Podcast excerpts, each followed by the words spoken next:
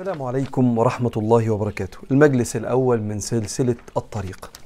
سلسلة الطريق هي سلسلة لطلب العلم الشرعي. آه، وإن شاء الله بإذن الله إحنا هندرس مع بعض آه، أربع كتب. بيتكلموا في أربع آه، جوانب وأربع علوم في طريقنا لربنا سبحانه وتعالى. هندرس هندرس عقيدة مع بعض هندرس شمائل النبي عليه الصلاة والسلام هندرس فقه على المذاهب الأربعة وهندرس سلوك وتزكية وأخلاق. الله هندرس عقيدة وأركان الإيمان الستة وكل ده هشرحه لحضرتك. النبي عليه الصلاة والسلام هندرس صفاته الخلقية والخلقية. هندرس عندنا الفقه وهندرس كمان أخلاق وتزكية وترقية للنفس. الله النبي الإسلام النفس. بقى لي فترة طويلة بتمنى أن أنا أعمل السلسلة دي. وكل حاجة بوقتها. واستأذنت كده سيدنا الشيخ وخدت منه يعني البركة كده والدعاء ونبدأ إن شاء الله بإذن الله مع بعض. ناس كتير من حضراتكم بتبعت لنا وبتطلب إن إحنا نذاكر مع بعض علوم علوم شرعية علشان آه، ناخد خطوات أكتر في طريق ربنا سبحانه وتعالى. الكتب اللي أنا بذاكرها مع حضراتكم آه، اتعلمت منها آه، مع مشايخنا وبعضها عندي فيها إجازة وإسناد متصل إلى صاحب الكتاب وحابب إن أنا أنقل آه، العلوم دي من مشايخنا مع التبسيط آه، وأوصلها لحضراتكم. ليه سمينا السلسلة الطريق؟ خدناها من الكتاب والسنة. إن وإحنا ماشيين في طريقنا لربنا سبحانه وتعالى ربنا سمى ده سماه الصراط الطريق. قال وأن هذا صراطي مستقيما فاتبعوه. ولا تتبعوا السبل الطرق اللي ما فيهاش ربنا. اللي ما فيهاش النبي عليه الصلاة والسلام ولا تتبعوا السبل فتفرق بكم عن سبيله.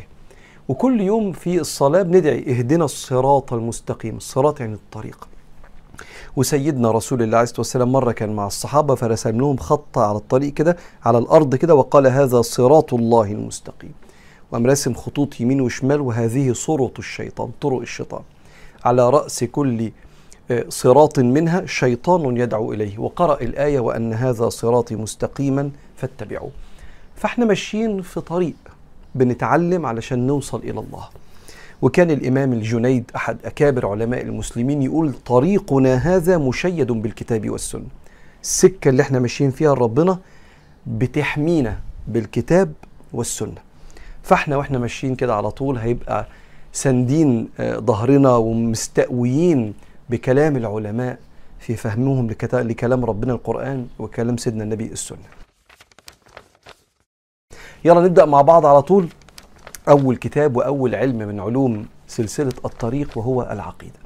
هندرس كتاب العقيدة الطحاوية للإمام الكبير أحمد ابن محمد ابن سلامة ابن سلمة ابن عبد الملك المصري الطحاوي الإمام الطحاوي. أبو جعفر الطحاوي كنيته أبو جعفر إمام مصري عالم مدفون في قرية طحا في مصر وهو حنفي المذهب. حضراتكم عارفين إن إحنا عندنا الأحناف المالكية الشافعية الحنابلة دي مذاهب فقهية. هو كان مذهبه الفقهي كان حنفي. والإمام أبو أبو إسحاق في طبقات الفقهاء بيقول إليه انتهت رئاسة الأحناف في مصر. يعني ده كبير العلماء كبير الأحناف في مصر. الإمام الطحاوي عنده كتاب اسمه العقيدة الطحاوية اسمها الطحاوية هي عقيدة أهل السنة بس منسوبة ليه زي آه، آه، كتب كتيرة بتبقى منسوبة لاسم مؤلفها زي الأربعين النووية مثلا. الإمام النووي مؤلف كده إيه شرح أو آه، رأيه إن في أربعين حديث لو أنت اتعلمتهم تتعلم دينك فمتسمت أربعين النووية. فإحنا ندرس العقيدة الطحاوية وده كتاب تلقته الأمة بالقبول. ولما أقول لك الأمة يعني علماء الأمة. لما تتلمذوا على إيد الإمام ثم الأجيال اللي جت وقرأت قالت الكلام ده ده موافق لاعتقاد أهل السنة. فإحنا هندرسها مع بعض إن شاء الله ونبدأ بسم الله في كتاب العقيدة الطحاوية. الإمام الطحاوي مولود 9 3 2 239 هجريا ومتوفى 1 2 3 321 هجريا 239 الميلاد والوفاة 321 كده اتولد في القرن الثالث وتوفي في القرن الرابع الهجري. كلمة عقيدة يعني مجموعة معلومات ترسخت جدا جدا حتى انعقدت في القلب والعقل. وأنا أضرب لك مثال أنت يعني عارفه كويس قوي اللي شايف الدبارة اللي قدامك دي. الدبارة اللي قدامك دي أنت لو عملت فيها عقدة العقدة دي لو كانت ضعيفة تسماش عقدة. ممكن تبقى إيه عندك فكرة في بالك كده ممكن واحد تاني إيه يفك لك الفك... يفك لك المبدأ ده. بس لو العقدة اتعقدت عقدة زي دي كده كل ما تحصل أحداث وتخش في نقاشات وتتهز قوي العقدة أصلا بتقوى. والعقدة دي أنت ساند عليها. العقيدة عبارة عن ما ترسخ في قلبك وعقلك تجاه ربنا تجاه النبي عليه الصلاة والسلام وتجاه الأنبياء تجاه اليوم الآخر يوم القيامة والحساب والجنة والنار تجاه القدر خيره وشره فعلم العقيدة بيشرح لك الأركان الست. وإحنا عايزين ننتقل من مجموعة أفكار كده عندنا عن ربنا العقيدة لا تسمى فكرة. إحنا عايزين تترسخ هذه المبادئ والمعلومات حتى تصير عقيدة. والعقيدة لما تثبت عندك هي اللي بتطلع مشاعر وسلوكيات أهل اليقين. اللي مطمن لربنا وهو عايش معاه ومطمن إن في آخرة ومطمن للنبي عليه الصلاة والسلام ومؤمن بالقضاء والقدر مستسلم راضي. كل ده أثر بيحصل في القلب لما تدرس عقيدة.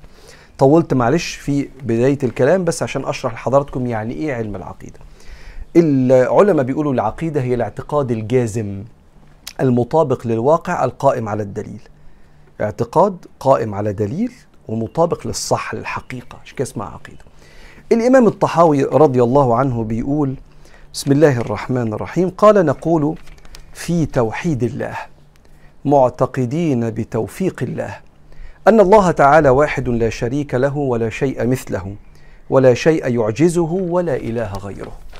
بيقول الإمام الطحاوي إن إحنا هنقول العقيدة عقيدة أهل السنة عقيدة الناس اللي مشيت ورا النبي عليه الصلاة والسلام معتقدين بتوفيق الله. إحنا مش هنعرف نعمل حاجة إلا لما ربنا يوفقنا. وإحنا بنطلب من ربنا كل يوم إياك نعبد بس مش هنعرف نعبدك إلا لما تساعدنا وتوفقنا وإياك نستعين. فبيقول نقول معتقدين بتوفيق يعني بهداية ربنا يوفقنا للطريق الصح. معتقدين بتوفيق الله. كانوا بيبدأ معانا كده بقى إيه إحنا ملناش غيره. هو اللي هيصلح اعتقادنا وياخد بإيدينا. أن الله تعالى واحد لا شريك له. الأزمنة القديمة ولغاية دلوقتي كانت في أقوام كتير بيعبدوا آلهة.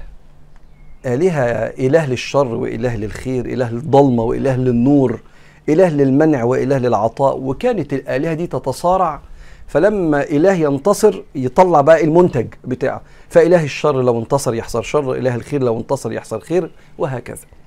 فجي سيدنا النبي يقول لا الله واحد لا شريك له سبحانه وتعالى. فهو واحد في ذاته مفيش إله غير ربنا. وواحد في صفاته.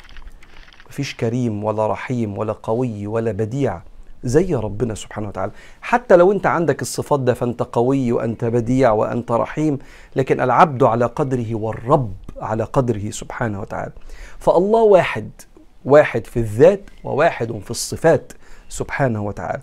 نقول أن الله تعالى واحد لا شريك له. الله مش محتاج إله معاه يساعده عشان يدبر شأن الكون. فيبقى الله سبحانه وتعالى كما في مفهوم بعض المعتقدات اللي مش بتعبد ربنا. تعبد آلهة تانية مشغول في حاجة فمحتاج إله ياخد باله من حاجة تانية. لا الله مهيمن على كل الكون فلا يحتاج إلى شريك يساعده. عشان كده ربنا بيقول على لسان المشركين أجعل الآلهة إلها واحدا إن هذا لشيء عجاب. ألا هو إله واحد يفعل كل شيء في كل ملكه. سبحانه وتعالى دي عقيدتنا إحنا كمسلمين. قال وربنا بيقول لو كان فيهما آلهة إلا الله لفسدتا. لو في إله تاني غير ربنا؟ كل إله يبقى ليه إرادة. ففي إله يفرض إرادته على الإله التاني يبقى الإله التاني عاجز. عاجز إن هو يسيطر يبقى مش إله لأن العجز صفة نقص. والإله لا يوجد فيه صفة نقص مستحيل يبقى إله وفيه نقص. فبيقول أن الله تعالى واحد لا شريك له ولا شيء مثله. آه. على فكرة دي من أهم الجمل ومن أهم آيات القرآن ليس كمثله شيء. ليه؟ لأن ولا شيء مثله دي هنفسر بيها بعد كده. يعني إيه؟ يد الله فوق أيديهم. يعني إيه؟ ينزل ربنا إلى السماء الدنيا. يعني إيه؟ ولتصنع على عيني. لما تسمع آيات كده بيتشابه فيها الألفاظ بصفات عند البشر هتفهم إن ربنا ليس كمثله شيء. وهقول لك لما تيجي صفات لربنا تحس كده إيه؟ يد الله. يعني هو ربنا عنده إيد زي إيدينا هشرح لك وإحنا ماشيين في الكتاب كيف تفهم صفات ربنا.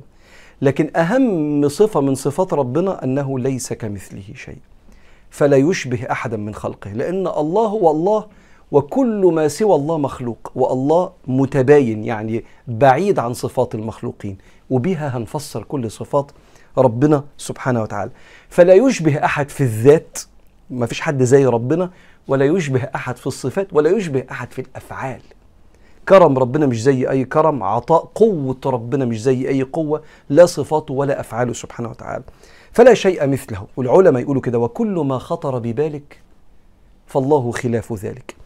أي شيء تتخيله عن ربنا يعني ربنا راجل كبير مثلا كده إيه زي ما بيجي في ذهن الأطفال وعنده دقن بيضة قال له لا ليس كمثله شيء. أيوه يا أنكل هو ربنا يعني إيه زي الشيخ كده اللي لابس جلابية؟ لا ليس كمثله شيء. طب يعني بنبص للسماء كده والسحاب كده نحس إن ربنا سبحانه وتعالى حاجة كبيرة مسيطرة على الكون. قال له كل ما خطر ببالك ما دام خطر ببالك يبقى مخلوق. ما هو اللي جواك دي فكرة فكرة مخلوقة. فالله خلاف ذلك. معلش اسمحوا لي هبسط الكلام وإحنا ماشيين كده عشان بس يعني إيه يبقى كلام العلماء من متألف من 1200 سنة بسيط على العقول والنفوس يعني. فقال ولا شيء مثله سبحانه وتعالى. قال ولا شيء يعجزه العجز صفة نقص. تصيب الإنسان أو تصيب المخلوق محدود القدرة. لكن ربنا قدرته في طلاقة للقدرة يقدر يعمل أي حاجة.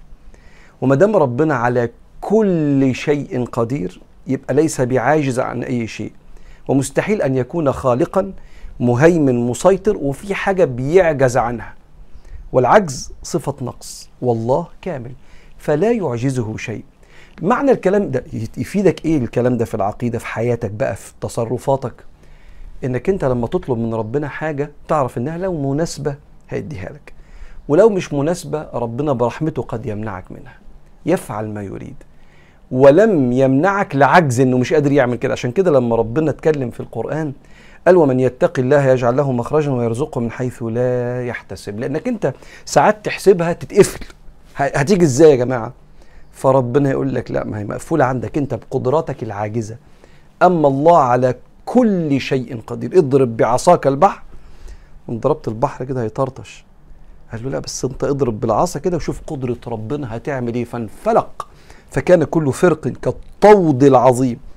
وأنا لو جيت بقدرتي ضربت البحر كده العصاية هتطرطش نقطتين بس لكن الله لا يعجزه شيء. قال ولا إله غيره فليس في هذه الأكوان إله خلق وملك ودبر الأرزاق إلا الله سبحانه وتعالى. فتعالوا نقف هنا في الحتة دي ونكمل المرة الجاية إن شاء الله بقية كتاب العقيدة للإمام الطحاوي رحمه الله ونفعنا الله بعلومه وعلومكم في الدارين. اللهم آمين. الكتاب الثاني اللي هندرسه مع حضراتكم في سلسلة الطريق هو الشمائل المحمدية للإمام الترمذي. الإمام أبي عيسى محمد بن ثورة الترمذي أحد كبار علماء المسلمين وهو محدث وتلميذ الإمام البخاري. من أشهر وأجمل مؤلفاته كتاب الشمائل. الشمائل يعني الصفات الخلقية أخلاق النبي والخلقية. شكل النبي عليه الصلاة والسلام شكل لبس النبي عليه الصلاة والسلام. آه، خاتم النبي سيف النبي الكوباية اللي كان بيشرب فيها. شكل بيته عامل إزاي. ثم أخلاقه إيه اللي كان بيفرحه إيه اللي كان بيزعله. لما كان بيبص بيبص إزاي لما كان بيزعل بيزعل إزاي لما كان بيبكي بيبكي على إيه وبيبكي إزاي ضحكته كانت عاملة إزاي. كل التفاصيل عن النبي نفسه عليه الصلاة والسلام. دي مش السيرة السيرة هي أحداث حياة النبي من الميلاد, إلى الانتقال للرفيق الأعلى. الشمائل العلمي يدرس قبل السيرة. ليه؟ لأنك لما تشوف النبي بيعمل تصرفات محتاج تعرف صفاته الأول. ليه هنا سكت وليه هنا اتكلم؟ آه علشان عشان عرفنا عن النبي كده. ليه هنا حارب وليه هنا سالم؟ ليه هنا سامح وليه هنا عمل وقفة عليه الصلاة والسلام؟ وبالتالي محتاج تعرف الأول النبي ثم تشوف بعد كده أحداث حياة النبي. اللي ما يعرفش النبي كويس ممكن يفسر, يفسر أحداث النبي تبع لمزاجه هو مش لطبيعة النبي عليه الصلاة والسلام أدبني ربي فأحسن تأديبي. الإمام الترمذي صاحب الكتاب أو الترمذي مولود 209 هجريا ومتوفى 279 هجريا. ف 200 وشوية يعني القرن الثالث و279 يعني في نهاية القرن الثالث يعني عاش 70 سنة. هنبدأ مع بعض. طبعا آه، الكتاب كبير فأنا هاخد من كل باب في الكتاب بعض الأحاديث تعرفك هو في كل باب أهم الأحاديث أو الأحاديث اللي بتشرح اللي هو عايز يقوله. لكن مش هنقرأ كل الكتاب مع بعض. هيبقى طويل شوية على حضراتكم وهتطول بينا السلسلة وأنا عايزها تكون مختصرة شوية. فهديك اللي أنا شايفه يعني مناسب بإذن الله. نبدأ أول باب من أبواب كتاب الشمائل المحمدية. يقول الإمام باب ما جاء في خلق رسول الله صلى الله عليه وسلم شكل النبي عليه الصلاة والسلام. استحمل استحمل إيه؟ الألفاظ لغة عربية قديمة شوية علينا. فأنا هقول لك آه، هو كان بيوصف النبي إزاي وبعدين هفصل لك الكلام. بيبدأ الحديث إن سيدنا الحسن سأل خاله هند بن أبي هالة عن حلية النبي عن وصف النبي. فقال له قل لي كده شك وصف النبي فإني أشتهي أن تصف لي منها شيئا أتعلق به. الحسن حفيد النبي الحسن والحسين. سبطي النبي. السبط يعني الجد ولاد بنته. الحفيد ولاد ابنه. فدول سبطي النبي عليه الصلاة والسلام. فالحسن والحسين الحسن اتولد سيدنا علي وسيدتنا فاطمة اتجوزوا اتنين هجريا في سنة غزوة بدر. فخلفوا الحسن ثلاثة هجريا والنبي انتقل أول 11 هجريا فتقريبا كان عنده سبعة ثمان سنين. فيعني برضو النبي انتقل للرفيق الأعلى وهو صغير والحسين اتولد بعديه بسنة. فراح سيدنا الحسن لما كبر لابن السيدة خديجة كان اسمه هند. هند ده راجل وكان زمان العرب يسموا هند للولد والبنت. فقال له يا خالي أنا يعني النبي انتقل للرفيق الأعلى وأنا كنت لسه صغير. ما تحكي لنا عن النبي كده لأن سيدنا النبي لما اتجوز السيدة خديجة كانت متجوزة قبله ومخلفة رجالة كبار. فهو فاكر النبي وفاكر شكل النبي كويس. فقال له كده ما توصف لي النبي عليه الصلاة والسلام. قال كان رسول الله صلى الله عليه وسلم فخما مفخما. يتلألأ وجهه تلألؤ القمر ليلة البدر. أطول من المربوع وأقصر من المشذب. عظيم الهامة رجل الشعر. إن انفرقت عقيقته أو عقيصته فرقها وإلا فلا يجاوز شعره شحمة أذنيه إذا وفره. واحدة واحدة. قلت لك استنى على الألفاظ شوية. كان النبي فخما مفخما. كان النبي عنده هيبة خلقة ربنا بقى. شيء بيقذفه ربنا في الإنسان. بنعرف نكتسب منه جزء بالوقار والحركة بهدوء هيبقى شكله كويس وابتسامته شيكة. آه يعني بنحاول. لكن القبول والهبة دي حاجة بتاعت ربنا. يقذفها ربنا على بعض عباده. فده النبي بقى فتخيل بقى لما ربنا يخلق الهيبة في رسول الله. وكان سيدنا علي يقول من رآه بديهة هابه ومن خالطه قربا أحبه. شوف نبي فجأة كده قلبك يتسحب من الهيبة تقرب منه تحبه قوي. فكان فخما مفخما يتلألأ وجهه تلألؤ القمر ليلة البدر. أو وش النبي كان منور؟ حسا ومعنى. معنى يعني تبص في, في, وشه وتحس كده بالهداية والنور وتمتلئ بالهداية والنور نور القلب. آه. بس النبي وشه كان منور. على فكرة في ناس عايشين في وسطنا تبص فيهم أسمر ولا أبيضاني بص تحس إن في وش في نور طالع من وشه. نور ربنا. نور الخير. زي ما في الأحاديث كده أقذف من نوري في وجوههم. فإذا رأيتهم يدلوك على ربنا تشوفه تستريح. تخيل بقى نور وش النبي عليه الصلاة والسلام. وكان سيدنا أبو هريرة يوصف النبي لما اتسأل فقال كأن الشمس تجري في جبينه. يا نهار أبيض! عنده شمس في وشه وجهه الشريف صلى الله عليه وسلم. فيتلألأ وجهه كالقمر ليلة البدر. القمر في ليلة البدر لما يقولوا قمر 14 بيبقى منور البحر منور الصحراء. شوف الضلمة يظهر القمر الدنيا تنور. أهو النبي عليه الصلاة والسلام كان كده.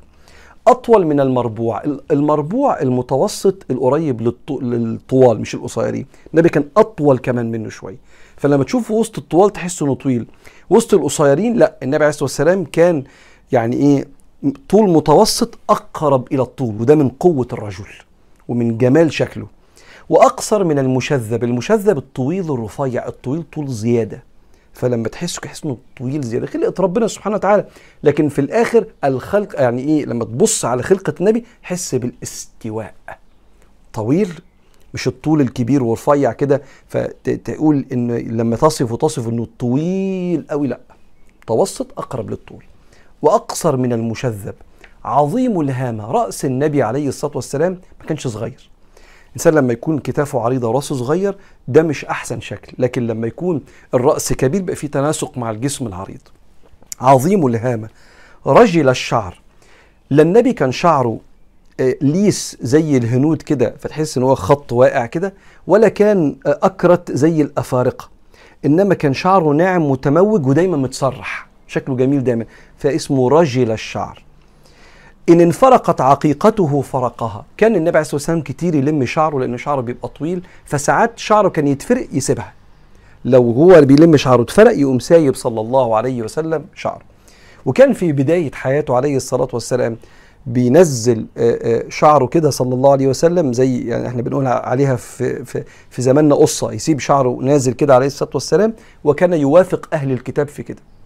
وكان يخالف المشركين. ثم بعد ذلك خالف أهل الكتاب وفرق شعره صلى الله عليه وسلم. وإلا فلا يجاوز شعره شحمة أذنيه إذا وفره. سيدنا النبي كان عنده ثلاث أطوال لشعره ساعات شعره كان يبقى لغاية ودانه أو لغاية رقبته أو لغاية كتافه صلى الله عليه وآله وسلم. فبيقول لا يجاوز سيدنا هند لما شاف النبي شافه شعره لغاية نصف أذن. فقال شعره لا يجاوز نصف نصف أذنيه. إذا تركه إذا وفره. أزهر اللون أبيضاني. أبيضاني وفيه حمرة بسيطة كده. أزهر اللون. ما كانش أسمراني كعادة أهل الجزيرة العربية. واسع الجبين. كان آه، راسه عليه الصلاة والسلام جبينه واسع وده برضه من علامات الجمال عند العرب. أزج الحواجب سوابغ في غير قرن. بينهما عرق يدره الغضب. أقنى العرنين له نور يعلوه. يحسبه من لم يتأمله أشم. بيقول إن سيدنا النبي عليه الصلاة والسلام كان أزج الحواجب يعني الحواجب كانت عاملة آه، زي الهلال كده مرسومة وكانت سوابغ يعني تخينة من غير قرن مش متصلة من هنا. فالحواجب عاملة القوس بتاعها تخينة كثيفة لكن ما كانتش متصلة من هنا. بينهما عرق يدره الغضب. الغضب خلق مش مذموم. التصرفات الغلط اللي بتطلع من الغضب هي اللي مش حلوة لكن الغضب ده طبيعة بشرية. تفرح للشيء اللي يفرحك وتتضايق من الحاجة اللي تضايقك. المهم كيف تتصرف؟ فكان لما يغضب يبان في العرق اللي كان يظهر عند رسول الله صلى الله عليه وسلم. بينهما عرق يضره الغضب. اقنى العرنين. الحتة دي عند سيدنا النبي عليه الصلاة والسلام في مناخيره اللي ما بين فتحتين المناخير كانت طويلة ومرفوعة لفوق سنة كده ومناخيره رفيعة. اقنى العرنين. له نور يعلوه. بص على وشه تحس إن وشه منور. صيت له كده من أي جانب تحس إن في نور جاي على وشه. صلى الله عليه وسلم. يحسبه من لم يتأمله أشم. لو بصيت للنبي فجأة كده تحس إن مناخيره مرفوعة كده من جمالها لو ركزت تلاقيها مستوية بس أنت أول ما تبص عليه كده عشان المكان ده كان طويل عند سيدنا النبي ومناخيره رفيعة وجميلة كده اللي ما يتأملش قوي يفتكر إن عنده حتة مرفوعة من هنا كده. يحسبه من لم يتأمله أشم. كث اللحية سهل الخدين ضليع الفم مفلج الأسنان. دقيق المسربه كأن عنقه جيد دمية في صفاء الفضة. بيقول إن النبي كان كث اللحية وتحس إن هم كاميرات بتصور. بص على النبي بيوصف تفاصيل قد إيه كانوا متعلقين بيه. لحيته كانت كثيفة مالية صدره صلى الله عليه وسلم كث اللحية. سهل الخدين خده كان هادي وناعم ما فيهوش نتوءات كتيرة عليه الصلاة والسلام. ضليع الفم الفم مش صغير. والفم الكبير عند الرجال دليل على الفصاحة. فكان ضليع الفم مفلج الأسنان. سنانه كانت فيها سنة بعيد عن بعض كده مش راكبة فوق بعض بعيد سنة عن بعض وده من جمال الأسنان. دقيق المسربة المسربة عبارة عن خط من الصدر كده شعر نازل لغاية السر. كأن عنقه جيد دمية في صفاء الفضة. عارف لما تيجي ترسم تمثال وترسم رقبته فيها عضلات كده وشكلها حلو ترسم عضلتين هنا كده أقوياء كده والرقبة مرسومة كده فيها قوة.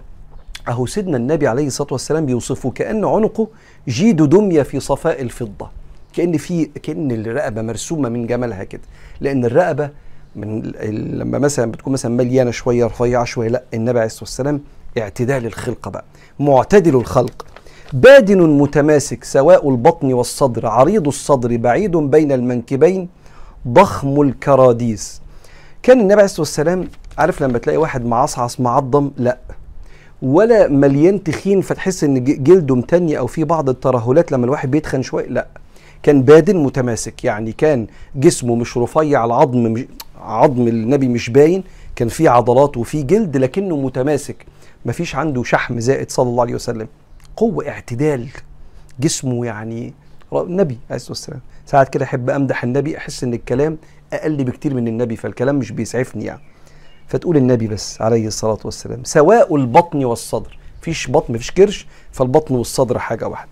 عريض الصدر بعيد ما بين المنكبين. ما كانش كنز كان عريض فكان كتافه المنكب والكتاف. ضخم الكراديس. الكراديس هي المفاصل اللي ما بين إيه إيه الأعضاء. فعندك الكوع وعندك المرفق هنا وده اسمه المرفق وده اسمه الرزغ أنا آسف. عندك الرزغ وعندك المرفق وعندك الكتاف. فالكراديس دي لو كانت كبيرة تشيل عضلات كبيرة. لو كانت رفيعة تشيل عضلات رفيعة. فكان النبي عليه الصلاة والسلام جسمه مستوي والمفاصل دي كبيرة. علشان صلى الله عليه وسلم كان قوي. ضخم الكراديس أنور المتجرد. لما أو المتجرد. لو كان في حتة من لبسه يعني وقعت كده مثلا لابس جلابية فيوطي كده فيبقى فاتح صدره مثلا صلى الله عليه وسلم فتح آسف الزراير وده كان السنة. لأن دي كانت حر قوي فكان يلبس الثوب القميص يبقى فاتح الزراير. فمثلا لو حاجة مالت كده مفيش شعر في الأماكن اللي في الصدر. جسمه يبقى منور كده من غير شعر في الأماكن العالية اللي لما بيتجرد من ثيابه حاجة تبان منه. فتحس بنور وليس شعر كثيف يعني. أنور المتجرد. موصول ما بين اللبة والسرة بشعر يجري كالخط. اللبة الحفرة اللي هنا. لغاية سرته صلى الله عليه وسلم في خط شعر كده. عاري الثديين والبطن مما سوى ذلك. ما عندوش شعر في الثديين ولا في البطن. أشعر الذراعين والمنكبين وأعالي الصدر. شعر النبي كان في أعالي الصدر كده والذراعين والمنكبين. طويل الزندين رحب الراحة شثن الكفين والقدمين. الزند العظمة دي اللي ما بين هنا الرسغ وما بين المرفق كان الحتة دي طويلة وده من قوة العرب في مسك الرمح وهو بيصطاد عشان ياكل وفي مسك السيف لو بيدافع عن نفسه فالحتة دي كانت عند النبي مش قصيرة صلى الله عليه وسلم. رحب الراحة كفه ما كانش رفيع كفه كان تخين أو بمعنى أدق قوي. في شيء من الاعتدال كده مش تسلم عليه تحس إن إيده رفيعة لا كف بقى. يعني إيه؟ الناس طبعا بتكلم علينا إحنا بقى الناس الشغيلة بيبقى باين في, في إيديهم عاملة إزاي من المجهود واللي اللي بيتعمل بالإيدين. رحب الراحة شثن الكفين والقدمين. كمان قدم النبي ما كانتش رفيعة كانت كبيرة وقوية كده. سائل الأطراف أو قال شائل الأطراف. سيدنا النبي عليه الصلاة والسلام أطرافه ما كانش فيها ترهل أو ما كانش فيها تخن إنما كانت معتدلة معضلة كده فتحس بسيولة كده ما فيش تنايات في أطراف النبي صلى الله عليه وسلم. خمصان الأخمصين مسيح القدمين ينبو عنهما الماء. مش ممكن الوصف. مش ممكن سيدنا هند وباقي الصحابة لأن في أوصاف للصحابه كتير يوصفوا النبي. مش ممكن التركيز مع النبي. لما مركزين في شكله كده أمال الكلام وأفعاله كان بيعملوا فيها إيه؟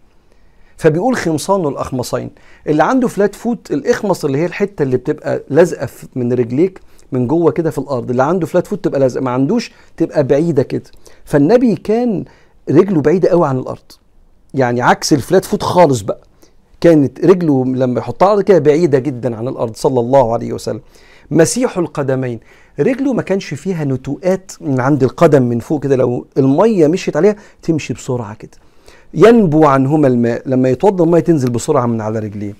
إذا إذا زال زال تقلعا. لما كان بيمشي عارف أنت مكسل تمشي بتكحت رجليك في الأرض كده؟ لا النبي كان بيمشي بيشيل رجليه من الأرض بسرعة وبقوة كناية عن الجدية والانشغال وكناية عن عن حاجات كتير. لما تشوف النبي كده من إيه من شعر رأسه إلى رجليه تحس كده باكتمال الإنسانية. فيه عليه الصلاة والسلام. إذا زال زال تقلعا يخطو تكفيا. لما الهواء بيجي في الغصن كده الغصن بيميل لقدام كده بينكفي كده. فهو دايما ماشي صلى الله عليه وسلم مائل إلى الأمام كده وكأنه صلى الله عليه وسلم منطلق. يخطو تكفيا ويمشي هونا. آه مش معنى إن هو ماشي كده فماشي بيتحرك بسرعة كده. كانوا يعلمونا كده في بعض الآداب حتى لو أنت بتمشي بجدية بس في شيء كده من السكون. وحركة فيها سكون فيها وقار كان النبي كده. هونا وإن كان في جدية بس تشوف كده حس بالهيبة. ويمشي هونا. ذريع المشية إذا مشى كأنما ينحط من صبب. وأنت نازل من منحدر حتة كده مصبوبة لتحت كده جسمك بيبقى مت- متماسك وباصص قدامك ومركز لأنك أنت محتاج جسمك يتماسك عشان ده منحدر. أهو النبي هو ماشي في العادي كأنما ينحط من صبب. من كتر تماسك جسمه وجديته ماشية لما تشوفها تعرف الهيبة. دي أنا نطلب من ربنا في الجنة نشوفها إن شاء الله. مش عارفين نوصفها من اكتمالها وعظمتها. يا رب نشوف النبي عليه الصلاة والسلام. حتى في الحلم بس نشوفه وهو بيمشي كده عليه الصلاة والسلام. إذا التفت التفت جميعا. ما كانش يبص للناس كده. أو يبص لواحد كده. لا. كان يلتفت بكل جسمه صلى الله عليه وسلم. احترام وقار. حاجات كتيرة بقول لك الألفاظ ساعات ما تسعفنيش في وصف النبي. وتقدير للشخص اللي بيتكلم معاه إذا التفت التفت جميعا. خافض الطرف. جل نظره إلى الأرض أطول من نظره إلى السماء. أغلب بصيته كانت تبقى للأرض صلى الله عليه وسلم. صاحب الأفكار وصاحب الهمة وصاحب الهموم غالبا بيبقى مركز فيها كده دايما. فأكتر نظره لا للأرض وليس للسماء. جل نظره الملاحظة. لاحظوا العين الحتة دي. آخر حتة في العين كده جنب الودان. فكان النبي كتير يبص بلحظ العين. ليه؟ لأنه عارف أنت لما حد يبص لك بصة كده فتبقى أنت مرتبك. أو يبص لك بصة كده فأنت تبقى مش عارف تبص له في عينيه. والنبي كان عنده هيبة. فكان بيراعي ده. فكان بيبص كده نظرة فيها محبة. جل نظره الملاحظة. وتفهم من الملاحظة إنه نظرته كانت بتبقى لما وراء قلبك.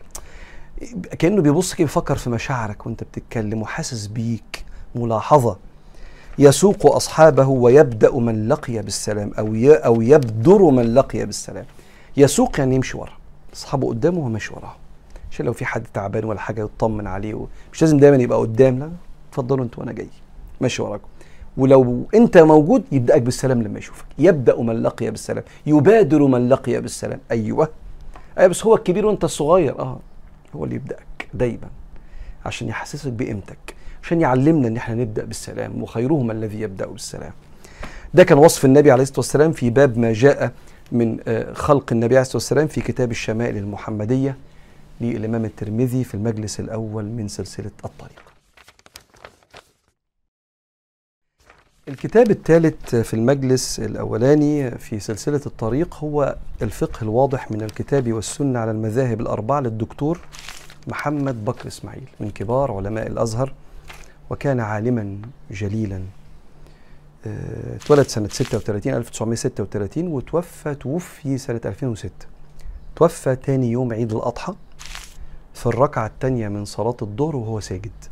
أنا فاكر وقتها كنت في الحج وعرفت الخبر حاجة يعني ربنا سبحانه وتعالى يجمعنا بيه عند حوض النبي عليه الصلاة والسلام. ألف لنا كتاب اسمه الفقه الواضح بيعلمنا فيه أحكام الفقه على المذاهب الأربعة.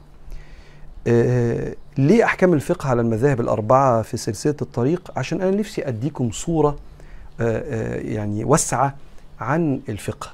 وتعرف آراء العلماء في المسائل الفقهية والعبادات فيبقى عندك كده شايف تاريخ الأمة الإسلامية. وتبقى عارف إن في مسائل فيها خلاف وكل مذهب معتبر من المذاهب الأربعة الأحناف أبو حنيفة المالكية الإمام مالك الشافعية محمد بن إدريس الشافعي والحنابلة الإمام أحمد بن حنبل. تعرف إن كل مذهب له أدلته في المسائل فلما يبقى في رأي بيبقى رأي معتبر. فلما تعرف إن في خلاف في المسألة تشوف الأنسب بالنسبة لك اللي تعرف تعبد بيه ربنا وتحترم الخلاف اللي موجود في الأمة. فإجماعهم حجة قاطعة واختلافهم رحمة واسعة. لما يجمعوا على مسألة خمس صلوات فريضة يبقى الكل تمام يبقى ده مراد ربنا وقول ربنا وقول سيدنا النبي عليه الصلاة والسلام. لو في خلاف يبقى النصوص تحتمل إن ممكن يكون في أكتر من رأي يسعنا كلنا. فندرس الفقه على المذاهب الأربعة لسيدنا الإمام الكبير محمد بكر إسماعيل. هنبدأ بأحكام الطهارة وإحنا ديننا دين نظافة. وربنا مش سايب لنا المسألة دي نجتهد فيها شخصيا. ليه؟ لأن زي ما, النبي قال عليه الصلاة والسلام إن الله جميل يحب الجمال. والمسلمين أمة نظيفة آه، بتتطهر. بتتطهر من آه، النجاسات والقاذورات وبتتطهر إن ريحتنا ولبسنا يبقى نظيف. وسيدنا النبي كان يقول كده كان يقول تجملوا حتى تصيروا في الناس شامة. شامة يعني علامة. اللي يشوفك كده يعرف إنك تبع النبي عليه الصلاة والسلام من جمالك ونظافتك لإن الله جميل يحب الجمال ولو ربنا ساب لنا الاجتهاد في مسألة التطهر في أحكام الطهارة ممكن ناس مننا بل شعوب ما تبقاش آه، واخدة بالها من المسألة دي وثقافات فما فيش فارق ما بين غني وفقير في مسألة التطهر لأن الطهارة. بت... يعني بتحصل. بالمية اللي هي إن شاء الله تبقى متوفرة عن. عند الجميع ولو مش موجودة موجود الأنهار والبحار و... فالجميع يستطيع بإذن الله أن يكون طاهرا ولما تسافر بعض الدول في أوروبا وتشوف مثلا إن الحمامات ما فيهاش أدوات للنظافة تتطهر فيها بعد ما تخش الحمام أو آه، يبقى في شيء كده يعني عارف لما بتثابت للبشر البشر ما خدوش بالهم من المسألة دي بدون الكلام على حد يعني فتعالوا الأول نتكلم في أول أبواب الفقه على باب الطهارة. إحنا عندنا أربع أنواع للطهارة. الفقه مهتم بنوعين. عندنا طهارة الظاهر من الأحداث والأخباث. هشرح لك ده يعني إيه. وعندنا طهارة الجوارح من الجرائم والآثام. وعندنا طهارة القلب من الأخلاق السيئة. وطهارة الروح مما سوى الله. الفقه بيهتم بأول اتنين. طهارة الظاهر من الأحداث والأخباث. وطهارة الجوارح من الجرائم والفقه برضو. اتكلم عن المعاملات في البيع والشراء وحقوق الناس. الفقه داخل في ده.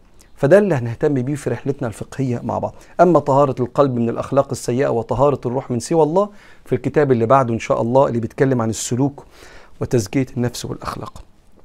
الطهارة هي رفع الحدث والخبث.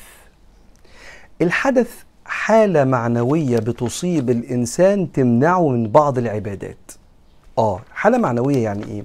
يعني واحد نقض وضوءه بإخراج الريح. هو ده في نجاسة على جسمه؟ قالوا لا هو حالته دلوقتي بقى محدث.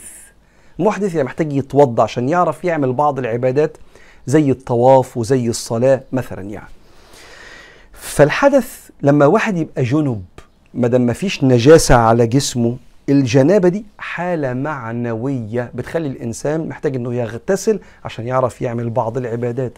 فالطهارة بترفع بترفع عن الإنسان الحدث الحالة المعنوية والخبث. الخبث هي النجاسات اللي بتصيب إما الجسم محتاج أطهره سواء بالوضوء بالغسل أو مثلا آه، لما الإنسان بيغتسل بتصيب الجسد وبتصيب اللبس وبتصيب المكان. فأنا عشان أصلي محتاج يبقى ما فيش نجاسات على جسمي ولبسي والمكان اللي بصلي فيه. فإحنا هنتعلم في الطهارة. الطهارة من الحدث الحالة المعنوية والطهارة من الخبث النجاسات اللي بتصيب الإنسان. لأن ما فيش حاجة اسمها إنسان نجس. كلمة نجاسة لا تطلق على الإنسان. والنبي قال كده المؤمن لا ينجس. ينفعش تقول واحد نجس. إنما ممكن النجاسة تبقى في الجسد أو تبقى في اللبس أو تبقى في الأرض وإحنا جايين دلوقتي للموضوع ده. طيب عشان نتكلم على مسألة الطهارة إحنا محتاجين نعرف إحنا بنتطهر بإيه؟ قال له بالمية. قال له يبقى محتاجين نعرف أنواع المية اللي ينفع نتطهر بيها.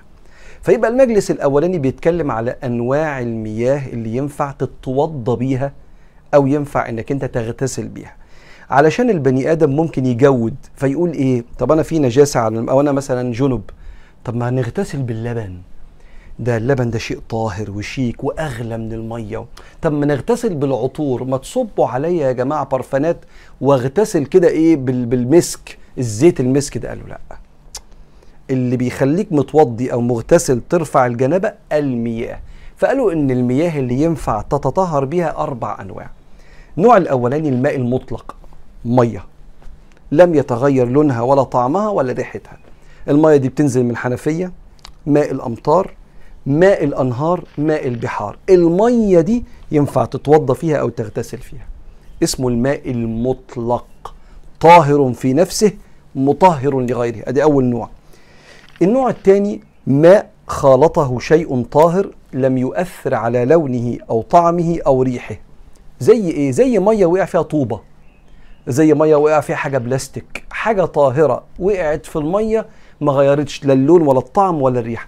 تقول لي انت بتقول كلام إحنا مش محتاجينه. ما إحنا بنتوضى من الحنفية يا عم. استنى بس انت اعرف الحاجات دي انت ما تعرفش تحتاجها إمتى. تعلم العلم فإنك لا تدري متى تحتاج إليه. في سفر في كامب طلعت في مش عارف مكان ما فيهوش مية. اعرف بحيث تبقى المعلومة عندك مخزنها كده ويمكن تحتاجها. يبقى الماء المطلق الطبيعي ماء سقط فيه شيء طاهر ما غيرش ولا لونه ولا ريحه ولا طعمه. ماء النوع الثالث؟ تغير لونه أو طعمه أو ريحه بأشياء تلازمه. يستحيل أن تنفصل عنه. زي مية فيها تراب مية فيها طين مية فيها رمل. هي حاجات طاهرة خلت المية رصاصي شوية في نهر من الأنهار. آه، خلت آه، البحر في آه، المية كده مصفره شوية عشان مليان رمل. لا تستطيع إنك أنت تشيل منه الرمل ده أو التراب. فهو خالطه طاهر أثر على لونه أو طعمه أو ريحته لكن لا يستطيع الإنسان أن ينفك يشيل منه الأشياء الطبيعية اللي سقطت فيه. يبقى الماء الطبيعي خالص بينزل من حنفيه أو المطر أو الأنهار أو البحار. ماء خلطه طاهر ما غيرش لونه ولا ريحه ولا طعمه زي يسقط فيه شيء طاهر زي الصخرة ولا شيء بلاستيك أو حاجة زي كده. ماء تغير لونه أو طعمه وريحته بشيء لا تستطيع إنك تشيله منه زي يكون في رملة أو في طينة في مية في نهر مثلا كبير أو بحر. النوع الأخير وهو نوع آخر كما قال الإمام محمد بكر إسماعيل نوع يجوز التطهير به أصابته نجاسة بسيطة لم تؤثر على لونه أو طعمه أو رائحته. لحديث النبي صلى الله عليه وسلم إن الماء طهور طاهر في نفسه مطهر لغيره ده معنى كلمة طهور. إلا أن تغير ريحه أو لونه أو طعمه بنجاسة تحدث فيه. ففهم منها إن لو نجاسة حصلت فيه صغيرة لم تؤثر على لونه أو طعمه أو ريحه ينفع إنك أنت تتوضأ منه أو تغتسل منه زي حمام سباحة كبير. مئات الألتار من كذا لتر يعني من من المية مئات وجه طفل صغير تبول فيه حاجة بسيطة جدا لم تؤثر لا على اللون ولا على الطعم ولا على الرائحة. بعض الأحناف بيجوز الوضوء بماء خالطه طاهر غير من أوصافه لكنه ما غيرش وصفه إنه مية. يعني إيه؟ جه طاهر فيه بس هو لسه مية. آه طب بس أوصافه اتغيرت. آه بس ما هو لسه شكله مية. زي إيه؟ كان سيدنا النبي اغتسل في يوم من الأيام من قصعة فيها بعض أثر العجين. يعني القصعة دي الطشت ده حاطين فيه مية وبعدين فيه شوية أثر عجين. فالمية بيضت سنة من أثر العجين. جم يغسلوا العجين ما طلعش كله. فلما حطينا المية بيضت سنة كده بس بحاجة طاهرة بس لسه اسمه مية يعني لما بصيت عليها دي اسمها مية لم تتغير. جوز الأحناف الوضوء بمثل هذه بمثل هذا النوع من المياه. يبقى أربع أصناف بس خليهم كده إيه في بالك. الماء المطلق ماء من الحنفية من البحر النهر الأمطار. ماء خلطه شيء طاهر لم يؤثر على لونه أو طعمه ورائحته ماء خالطه شيء طاهر لا يصعب إنه ينفك عنه زي لو مية فيها رمل أو فيها طينة بس هي مية كتير فهي لسه شكلها مية بس تتغير لونها سنة أو ريحتها سنة. ونوع آخر لو سقطت نجاسة صغيرة جدا في ألتار كثيرة يعني جمع لتر يعني لو كان الجمع ده صح يعني كثير من المياه أصابته نجاسة صغيرة لم تؤثر على لونه أو طعمه أو رائحته. دول أربع أصناف المياه اللي ينفع نتوضى بيها أو نغتسل بيها. ونكمل المرة اللي جاية باب الطهارة في كتاب الفقه الواضح على المذاهب الأربعة من الكتاب والسنة على المذاهب الأربعة. دكتور محمد بكر إسماعيل.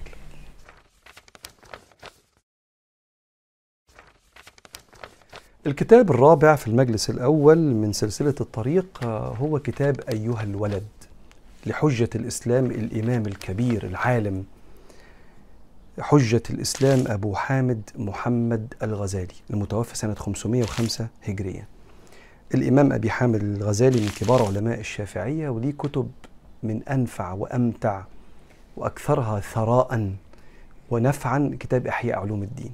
وعنده كتب تانية كتير. النهاردة إحنا هنبدأ مع بعض سلسلة أو كتاب أيها الولد. كتاب عن التزكية والسلوك والأخلاق وترقية النفس. تزكية النفس هي إن صح التعبير يعني أحد الأركان الثلاثة اللي ربنا اتكلم فيها عن سبب بعثة الأنبياء. كما أرسلنا فيكم رسولا منكم يتلو عليكم آياتنا ويزكيكم ويعلمكم الكتاب والحكمة.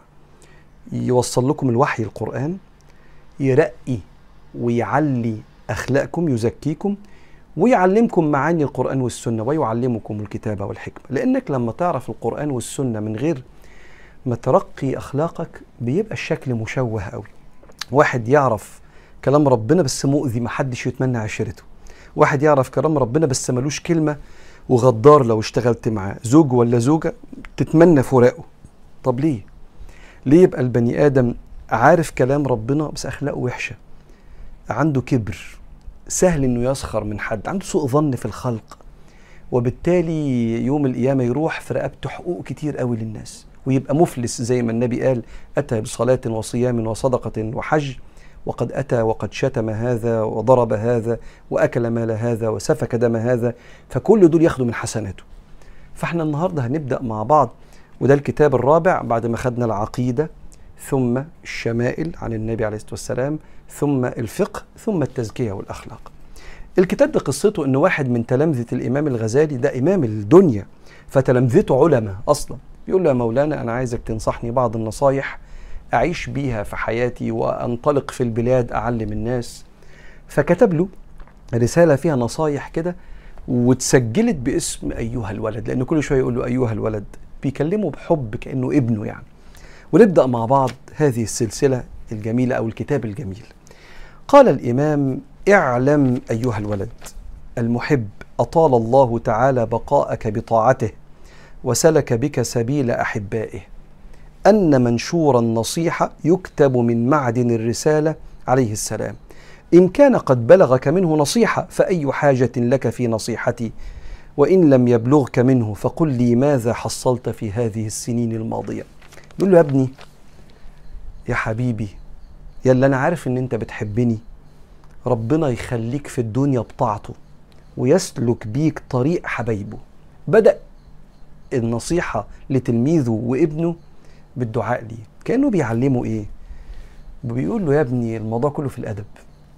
أصل خد بالك لو الشيخ مؤدب التلامذة بيطلعوا مؤدبين لو الشيخ قاسي التلامذة بيطلعوا قاسيين لو الشيخ بيتريق التلامذة بيطلعوا بيتريقوا لو الشيخ بيغتاب التلامذة بيطلعوا بيغتابوا.